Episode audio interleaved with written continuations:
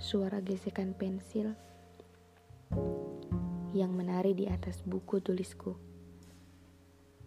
Sejak tadi, mendominasi suara di kamarku yang hening.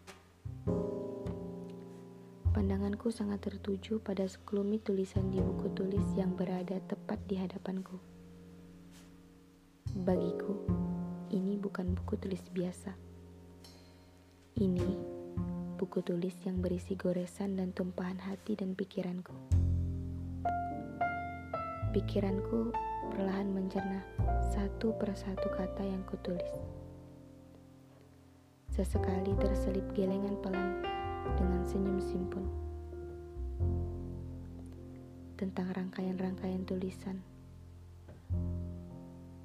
tentang ketentuan Tuhan yang tak sesuai dengan harapanku tentang takdir Tuhan yang tak sesuai dengan keinginanku tentang janji Tuhan yang pasti lebih baik dari yang aku inginkan. Aku dapat mengambil hikmah dari setiap tulisan yang aku alami.